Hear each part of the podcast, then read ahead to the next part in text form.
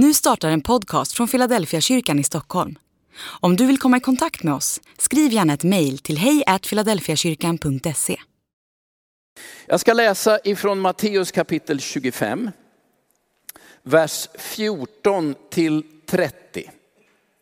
Så här står det. Jesus sa, det blir nämligen som när en man skulle resa bort och kallade till sig sina tjänare och lät dem ta hand om hans egendom. Den ene gav han fem talenter, den andra två och den tredje en. Åt var och en efter hans förmåga. Sen reste han därifrån. Den som hade fått fem talenter gav sig genast iväg och gjorde affärer med dem så att han tjänade fem till. Den som hade fått ta två talenter tjänade på samma sätt två till. Men den som hade fått en talent gick och grävde en grop och gömde sin herres pengar. Efter lång tid kom tjänarnas herre tillbaka och krävde redovisning av dem. Den som hade fått fem talenter kom och lämnade fram fem till och sa, Herre du gav mig fem talenter, här är fem till som jag har tjänat. Hans herre sa, bra, du är en god och trogen tjänare. Du har varit trogen i det lilla, lägg det där på minnet, det lilla. Vi återkommer till det. Du har varit trogen i det lilla. Jag ska anförtro dig mycket. Gå in i glädjen hos din herre. Den som hade fått två talenter kom fram och sa, Herre du gav mig två talenter, här är två till som jag har tjänat. Hans herre sa, bra, du är en god och trogen tjänare, du har varit trogen i det lilla, där kommer det igen, kom ihåg det. Jag ska anförtro dig mycket. Gå in till glädjen hos din herre. Den som hade fått en enda talent steg fram. Herre, sa han, jag visste att du är en hård man som skördar där du inte har sått och samlar in där du inte har strött ut. Jag var rädd och gick och gömde din talent i jorden. Här har du vad som är ditt. Hans herre svarade honom, du är en slö och dålig tjänare. Du visste att jag skördar det jag inte har sått och samlar in det jag inte har strött ut. Då skulle du ha lämnat mina pengar till banken så att jag kunde fått igen dem med ränta när jag kom. Ta nu ifrån honom talenten och ge den åt mannen med de tio talenterna. Var och en som har, han ska få. Och det är överflöd. Men den som inte har, från honom ska tas också det han har. Kasta ut den oduglige tjänaren i mörkret där ute. Där ska man gråta och skära tänder. Nu ska ni få tre punkter av mig kring den här liknelsen. Och så ska jag ge er den fjärde poängen och det är ju det som är själva sensmoralen. Det där som en del av er tror jag tyckte var lite svårsmält, men min poäng är att det är hela slutsatsen. Ni vet Jesus säger, eh, var och en som har, han ska få. Och det är överflöd. Men den som inte har från honom ska tas också det han har. Det är själva sensmoralen. Vad gör man med den? Det är avslutningen och den är viktig. Tre punkter först nu då. När man läser den här liknelsen så är ju en sak tydlig direkt. Den där Herren som anförtror något av sina ägodelar till sina tjänare och reser bort, det är Jesus själv. Det är alltså Jesus som reser bort och tjänarna, ja, det skulle ju kunna vara vi.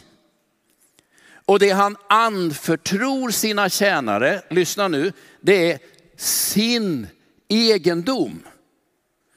Det där ordet talent, det har ju gett upphov till ordet talang. Ni vet, hur hanterar man sina talenter? Hur förvaltar man sin talang?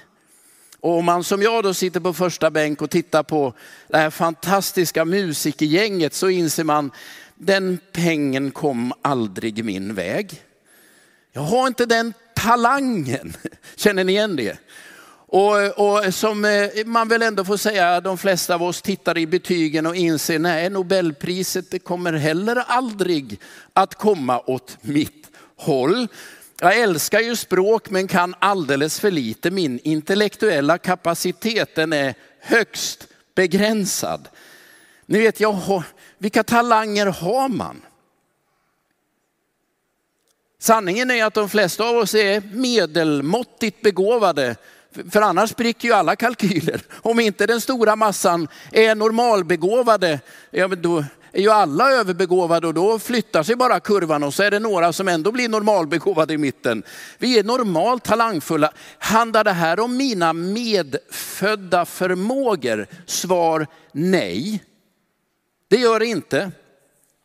Det handlar alltså inte om mina medfödda förmågor, hur atletisk man är, hur språkbegåvad man är, vilket mattesnille man har, hur musikalisk man är.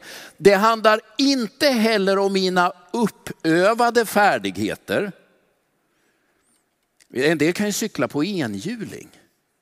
Jag har försökt. Det är ju helt omöjligt. Jag klarar en tvåhjuling men sen är det stopp. Men en del av er har ju de här uppövade färdigheterna som funkar som partytrick när folk, ni vet, wow vad du kan. Men det, den här liknelsen handlar inte om medfödda förmågor, inte om uppövade färdigheter. Den handlar inte heller om de erfarenheter du har gått igenom och lärt dig av. Det handlar inte om det. För då hade den här berättelsen sett helt annorlunda ut. Vad handlar det här om? Det här handlar om den rikedom Jesus själv ger till dig. Och sitter du här och tänker, men den har jag inte fått. Då hörde du mitt förslag. Då ska du se till att kassera ut den innan du går härifrån idag. Ja, men vad är det, vad är det då Jesus har gett mig. Nu kan jag tala i egen person. Ja, det finns ju många saker jag skulle kunna peka på, men jag väljer nu att bara lyfta fram två saker som jag vet att jag har fått och som jag delar med alla som tror på Jesus Kristus. Det är, det är en rikedom vi har fått. Det vet jag. Jag ska läsa ifrån Apostlagärningarna kapitel 2. Och så rycker jag bara ut vers 38. Då står det så här. Petrus sa, omvänd er och låt er alla döpas i Jesu Kristi namn så att ni får förlåtelse för era synder. Då får ni den heliga anden som gåva. Här hittar jag två enorma rikedomar som inte är riktade till mig utan till varenda en som vill vända sig till Jesus. Två saker. Din synd blir förlåten. Och du får den helige ande som gåva. Och om du tänker, vad är den helige ande? Vi säger det är den tredje personen i gudomen. Det är Gud själv i bortskänkt form. Du får en inneboende gäst i ditt hjärta som är Gud själv. Jag, jag blev så, ja, den här insikten om vikten av att, att den heliga ande bor i mitt hjärta, den slog nog ner i mig under min tid som pastor i Fiskebäck, det är många år sedan nu, Göteborg. Under en period så kom det ganska många spiritister till kyrkan.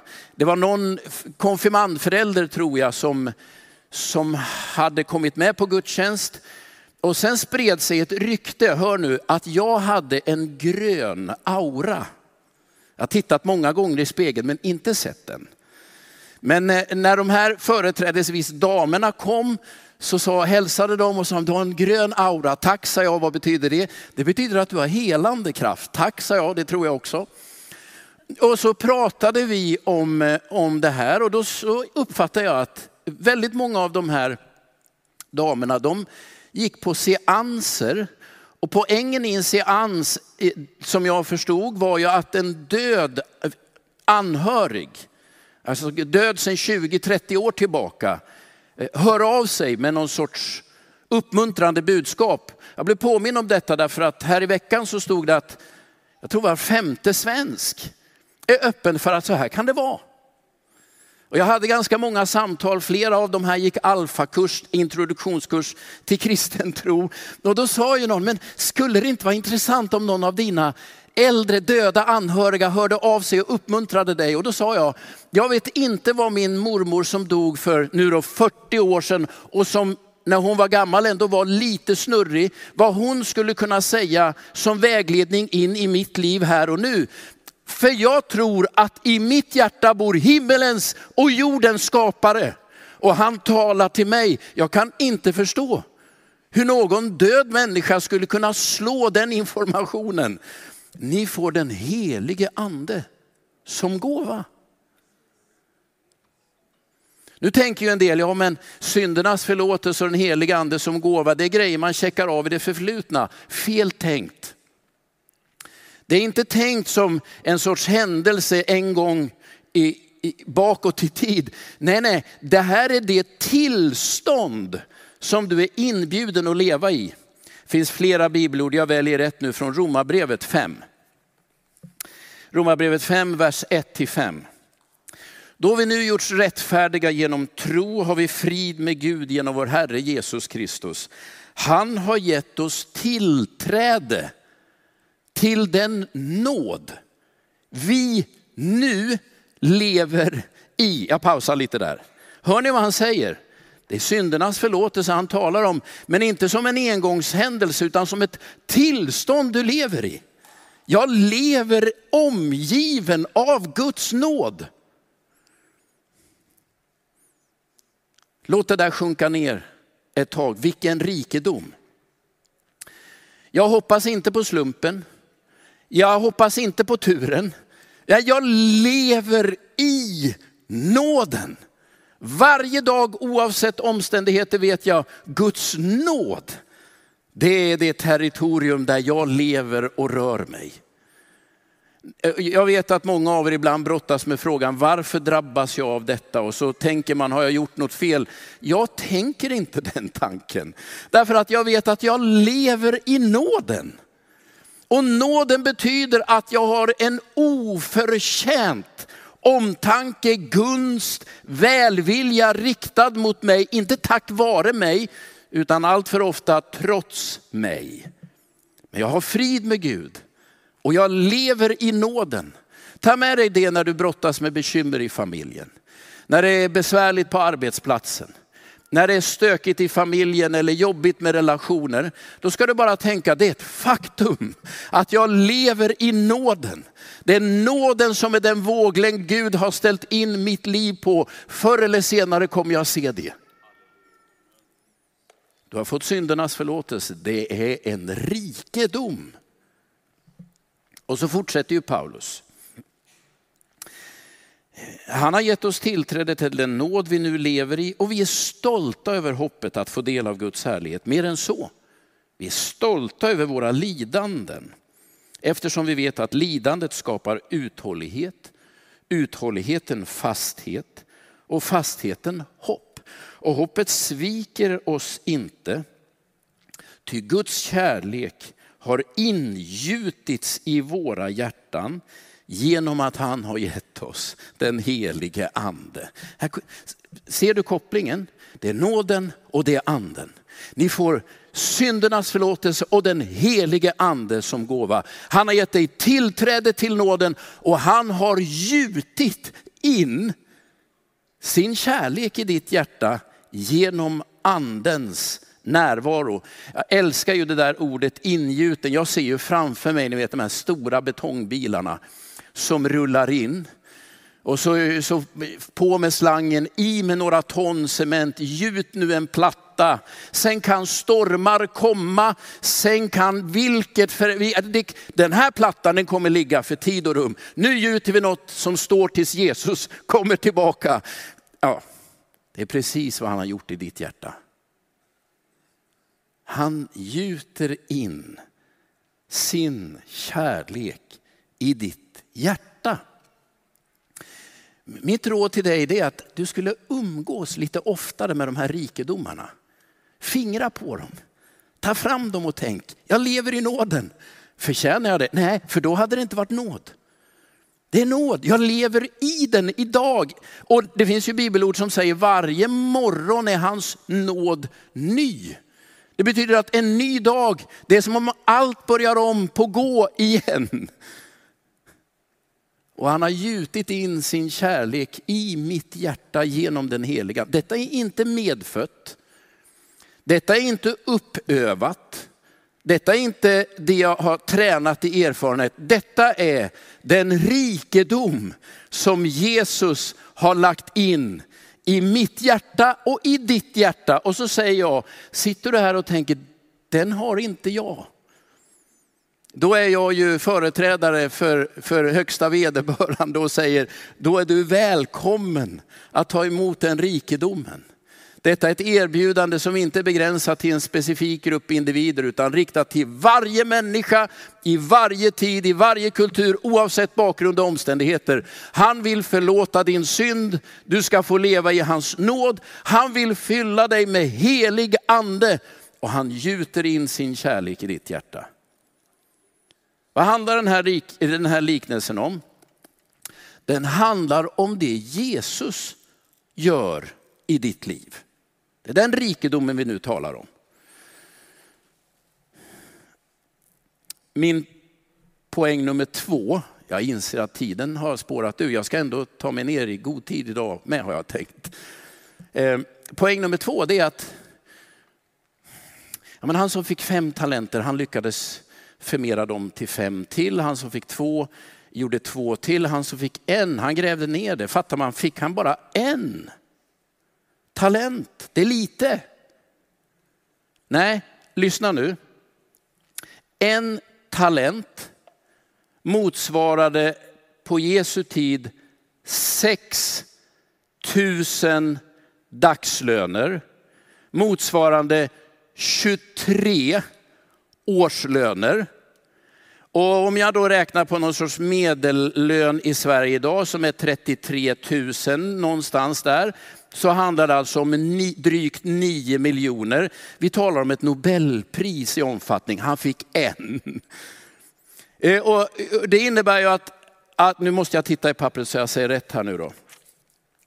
Eh, han som fick fem talenter, han fick 30 000 dagslöner. Det motsvarar 115 årslöner, det är 46 miljoner. Så går han bort och gör affärer och får in lika mycket till. Det motsvarar alltså 230 årslöner och 92 miljoner kronor.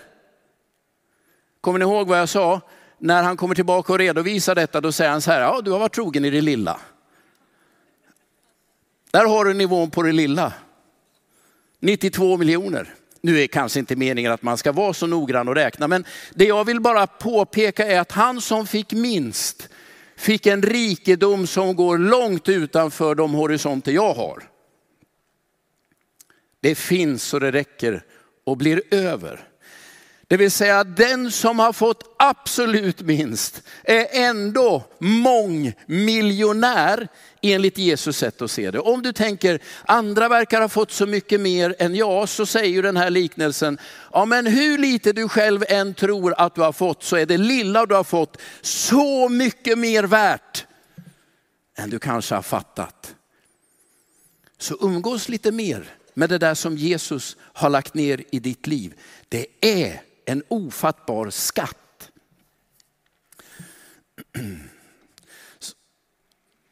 Så att leva i Guds nåd, med den heliga andes närvaro, det är den största rikedom man kan uppleva som människa. Det är slutsatsen i den här liknelsen. Nu ska jag inte föregripa sensmoralen. Men så finns det en sak till i den här liknelsen som man skulle ta med sig. Det verkar som att Jesus menar att du ska sätta sprätt på det han har gett dig. Är inte det en intressant tanke? Han säger den här rikedomen som jag har gett dig, poängen är nog att den ska du investera vidare. Och några av er som jobbar i investeringsbranschen vet, men det är ju riskfyllt. Och inte minst när man ser hur marknaden förändras nu så tänker man, det är höga riskpremier på detta. Men den här liknelsen säger en sak med all önskvärd tydlighet. Använd det du har fått. Våga ta risk.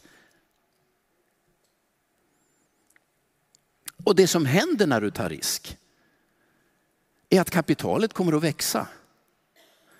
När jag läser den här liknelsen så tänker jag på en del av de medelålders eh, församlingsmedlemmar, rätt uttröttade både på församlingsliv och yrkesliv och familjeliv. Ni vet, det går fort allting, man har andan i halsen. Vad håller jag på med? Jag springer och jag springer. Flera av dem som jag en gång i tiden sa, men ska inte du bli med och vara konfaledare? Massa dryga 14-åringar som undrar något om livet. Jo, till slut, efter viss övertalning och i värsta fall en del muter så ställde ju folk upp. Vanliga församlingsmedlemmar vars tro liksom har börjat erodera lite grann.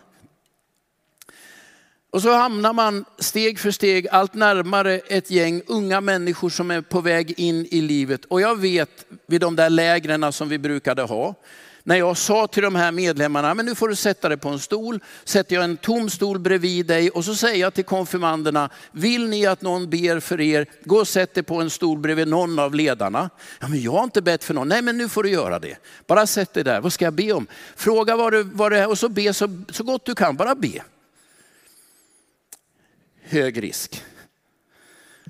Och så kommer ju de här människorna och så sätter de sig på den där stolen helt vanliga människor, sådär, vad kan jag bidra med? Så kommer tonåringarna, den ena efter den andra.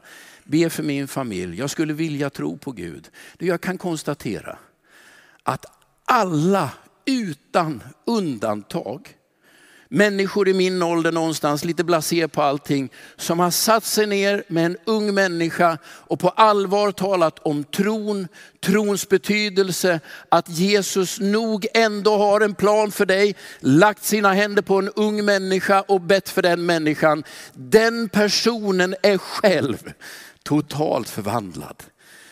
När jag satte min egen tro på spel så blev jag dubbelt så rik.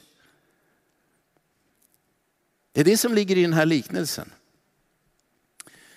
Ja, vad ska jag göra då? Ja, men jag tänker två saker. Det ena är, jag är nådens företrädare vart jag än finns.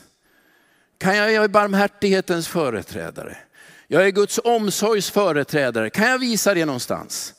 Kan jag, kan jag in på en arbetsplats göra någonting? Eller ni vet, bara en kollega säger, vi, vi har jobbigt hemma, min fru har fått ett svårt besked. Någon gång kan man säga, jag ska be för det. Det är en liten insats, det är en risk. Men när du tänker, av det här Jesus har gett mig, ska jag ändå se om jag inte kan pröva och ge det vidare. Det du då kommer upptäcka det, du får dubbelt tillbaka. Om du gör det på din arbetsplats, i grannskapet, i familjen, var du än är. Nej, du skickar ut lite grann. Nej men Gud kanske kan leda dig. Jag tror att det finns en plan för dig, det är inte hopplöst, jag ber för dig. När du gör den där lilla, lilla insatsen då kommer du inse, dubbla kapitalet kommer tillbaka. Det är ju detta Jesus säger. Måste vi ändå stanna för den här kraken med en talent, nio miljoner. Han var rädd och grävde ner det. Han verkar ha missförstått alltihopa. Han tänker, jag tänker inte ens använda det i mitt eget liv. Jag bara begraver det här, går bort ifrån det. Det är det sämsta man kan göra. Han verkar helt ha missförstått sin herre. Han säger, jag vet att du är en hård, en hårdför herre som vill, som vill skörda där du inte har sått och som vill samla där du inte har strött ut. Ja, det är helt rätt, men att det är en hård herre, det är helt fel. Men rädslan, inte för affärsomständigheterna utan för Herren, om jag gör fel nu, vad kommer hända då? Om jag tar risk nu, tänk om jag försnillar? Nej, jag gör ingenting. Det är det sämsta. Men den här liknelsen säger Jesus, du kan lita på att jag kommer backa upp dig. Ta risk! Våga sätta det du har fått på spel. Gör något du inte har gjort förut. Om man nu för en kort stund tänker att Guds rike vore ett familjeföretag, ni vet far och son. Så inser jag att Jesus har en ambition att ge ett erbjudande till varenda människa på hela denna planet. Om syndernas förlåtelse och den heliga ande som gåva. Och av någon anledning tänker han att det har jag en del i, det har du en del i. Alltså nådens företrädare, den heliga andes agenter i den här världen, nej det är vi. Och det är som att hela den här liknelsen säger, spela nu med din tro. Sätt din tro lite på prov. Be för någon människa. Säg någonting om att det finns förlåtelse, att det aldrig är kört. Var, var nådens budbärare där du finns, ni fattar. Du kommer få dubbelt upp tillbaka.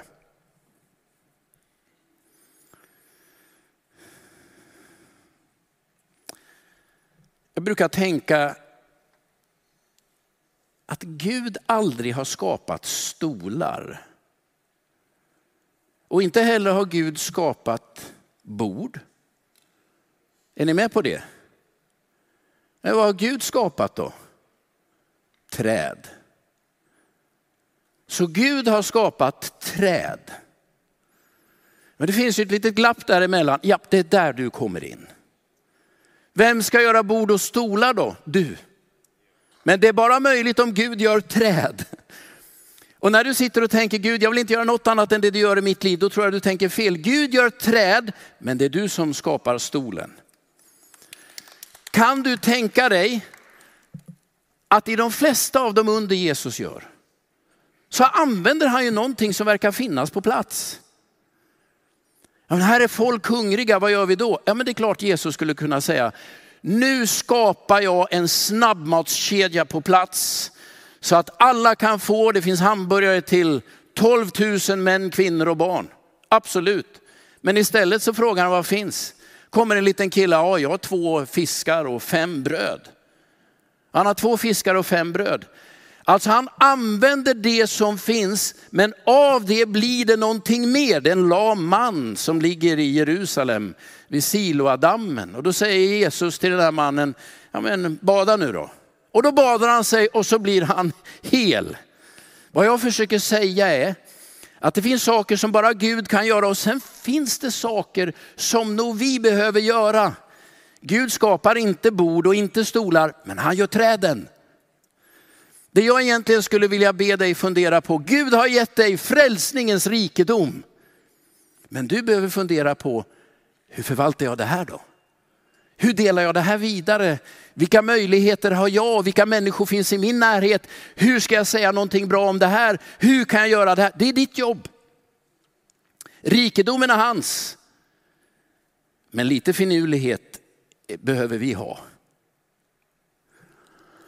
Det är lätt att tänka, nej vi gräver ner allting, vi ändrar inte på något, vi gör ingenting, låt allt vara exakt som förr, säg inget annat. Det är det sämsta man kan göra. Och det vet ju ni som har varit med här, jag är ju en risktagare. Men inte bara för att det är min personlighet, jag uppfattar att det är evangeliets kallelse.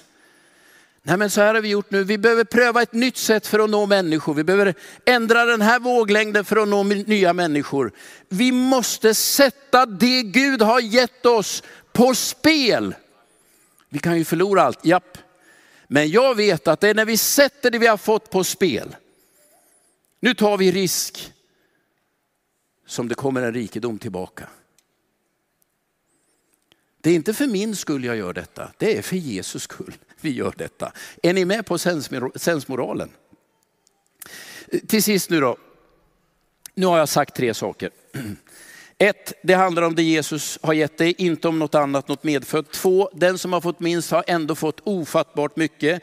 Tre, du ska använda det Jesus har gett in i ditt liv. Ta med det ut i din vardag. När du går ut härifrån, vidare in i livet, tänk att jag lever i nåden. Anden talar till mig. Det ska jag göra verkstad av veckan som kommer i relation till människor. Det är mitt uppdrag. Hur ska jag göra det? Ja, det är nog lite upp till mig. Gud skapar träden, jag gör borden. Det kanske inte var någon bra bild, men jag hoppas ni fattar vad jag tänker. Sensmoralen nu. Var och en som har, han ska få och det i överflöd, men den som inte har från honom ska tas också det han har.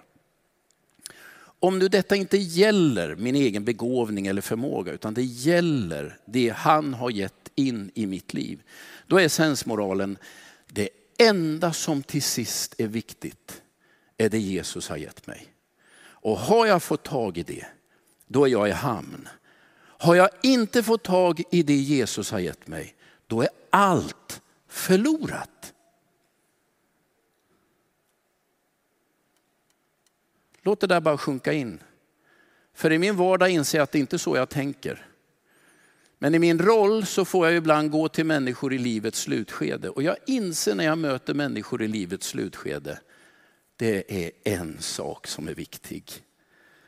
Att nåden räcker. Att jag är Guds barn.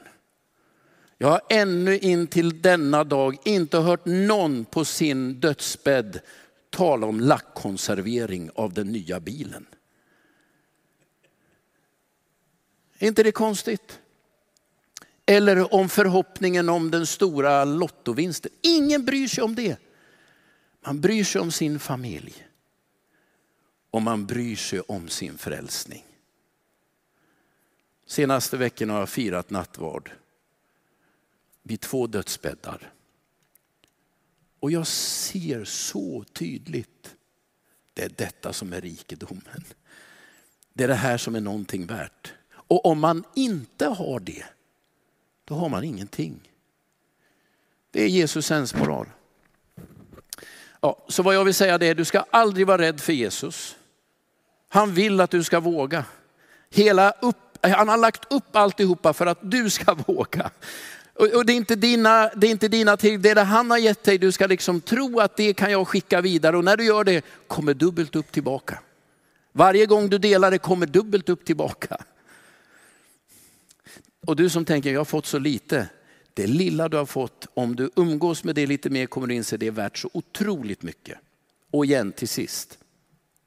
Om du är här och tänker, jag har inte fått det där av Jesus. Då är mitt råd till dig, ta emot det idag. Innan du går hem så ska du bara sträcka dig mot Jesus och säga, jag behöver syndernas förlåtelse och den helige ande i mitt liv. Inte som en engångserfarenhet utan som ett nytt livsrum. Jag vill leva i nåden under din heliga andes ledning. Det är erbjudandet som Jesus sträcker till alla, överallt i alla tider. Nu ber vi. Jesus, jag vill tacka dig för den rikedom du har gett oss. I syndernas förlåtelse och andens närvaro. Nu ber jag dig både om att den som inte har fått det ska få ta emot det. Och om att vi som har fått det ska se rikedomen.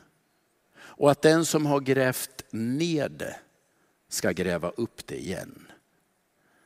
Tack Jesus för att du är full av nåd och barmhärtighet. För att du uppmuntrar oss att våga ta risk.